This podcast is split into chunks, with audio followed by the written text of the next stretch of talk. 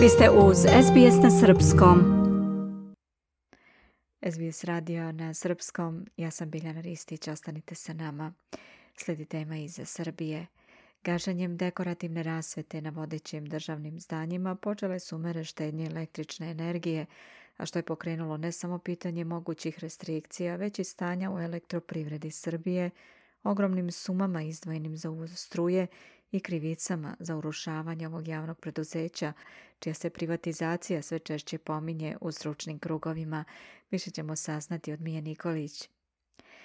Mija, dobar dan. Kakva je situacija sa strujom u Srbiji? Recite nam i da li se planiraju restrikcije tokom zimskih meseci? E, predsjednik Aleksandar Vučić je u subotu povodom preporuke vlade o isključivanju dekorativne rasvete gde god ona nije neophodna izjavio da se restrikcije naredne zime ne planiraju, ali da je situacija u toj oblasti izuzetno teška, zbog čega je važno da nova vlada koja će se time baviti bude formirana u narednih 20 dana.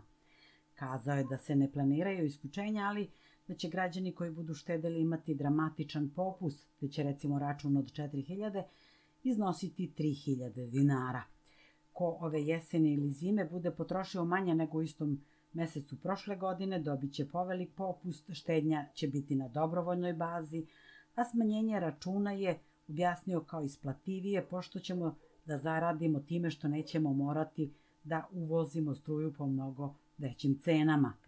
Na preskonferenciji u predsjedništvu Vučić je naglasio da problemi sa strujom i ostalim energentima nisu nešto što ima veze sa Srbijom, već je to svetski problem izazvan ratom u Ukrajini. Ovo je potpuno ludilo, računajte bukvalno na pakao, rekao je predsjednik uz napomenu da je EPS e, kriv za dosta problema, ali i da treba imati u vidu da država troši 7% više struje nego pre 5 ili 10 godina, jer sada postoje fabrike i železare i ljudi troše više struje jer imaju više novca.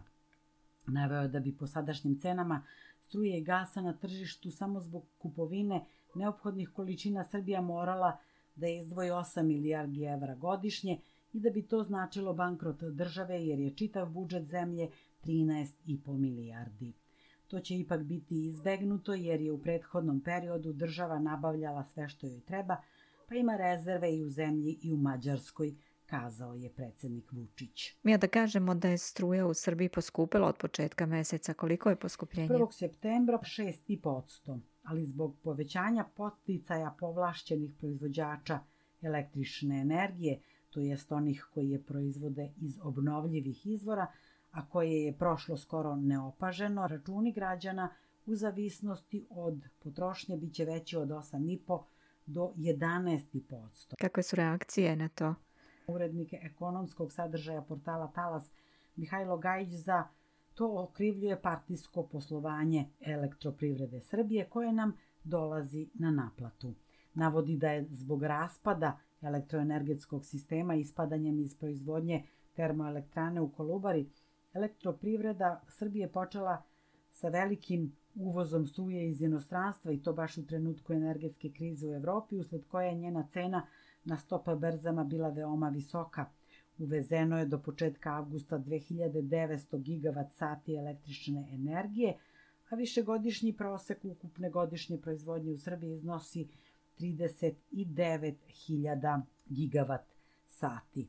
Međunarodna kretanja u energetici nemaju uticaj na našu proizvodnju struje, te da je situacija u EPS-u bila normalna tokom prethodne grejne sezone, ne samo da to preduzeće ne bi uvozilo skupu struju koju je krajnjim korisnicima prodavalo sa gubitkom, nego bi je zapravo izvozilo i na tome bi dobro zaradilo. Ili bi bar tako bilo, samo da je preduzećem upravljao nezavistan i sposoban menadžment, piše Gajić navodi da se tom preduzeću performanse mereno proizvodnjom struje i uglja smanjuju praktično tokom cele prethodne decenije. Nije se dovoljno investiralo u nove kapacitete, naročito kopove uglja, pa smo došli u situaciju da je uglja bilo sve manje, njegov kvalitet sve gori, što je direktno dovelo do havarije prošle zime, pošto kotlovi nisu zamišljeni da spaljaju blato, već ugalj. Dodaje da ni remonti takođe nisu urađeni po zamišljenom rasporedu, pa je pre havarije i krize do koje je ona dovela, EPS proizvodio struju iz svojih starih gasnih elektrana, što je potom ispraznilo skladište u Banatskom dvoru i to baš pred zimu. Ovo je potom nateralo Srbija gas da kupuje gas izvan prethodno ugovorenih količina po cenama koje su takođe otišle u nebo, a sve to je dovelo do gubitka od milijardu evra, 500 miliona kod EPS-a, a 500 kod Srbije gasa. Toliko nas je, kaže, za sada koštalo partijsko upravljanje elektroprivredom Srbije, a to po domaćinstvu iznosi čak 400 evra. Na pitanje kako zatrpati tu rupu bez dna kao jedini logični izlaz navodi pod jedan povećanje cene struje i pod dva direktnim subvencijama iz budžeta. Ukazuje da prvi način nije popularan kod biračkog tela vladajuće stranke, među kojima dominiraju penzioneri sa ispod prosečnim penzijama, a drugi je nepopularan među inostranim akterima jer bi to značilo veliko povećanje deficita i posledično javnog duga za oko 2% BDP-a i to na već visok deficit imajući u vidu privredna kretanja. Sa jedne strane rastu kamate usled inflacije, pa je kraj jeftinom finansiranju deficita, a sa druge veliko povećanje deficita značilo bi priznanje lošeg stanja u javnim finansijama. Gajić kao treći izlaz vidi malo jedno, malo drugo. Podseća da još uvek uvozimo struju i pita se kako li će tek biti u piku sezone, ali pita i da li će EPS pojesti novo povećanje cene struje trošeći ga na rast zarada i na pokrivanje nekih sistemskih nelogičnosti dogovorne ekonomije. Pozivajući se na preporuke Fiskalnog saveta, zaključuje da su e, elektroprivredi Srbije neophodne reforme, prenosi spisak tih preporuka saveta, podsjeća da je cena struje povećana samo za domaćinstva i strepi da rast cene električne energije ne ode na povećanje zarada. Studio. Toliko za danas, Mija, hvala. Bila je to naša saradnica iz Srbije, Mija Nikolić.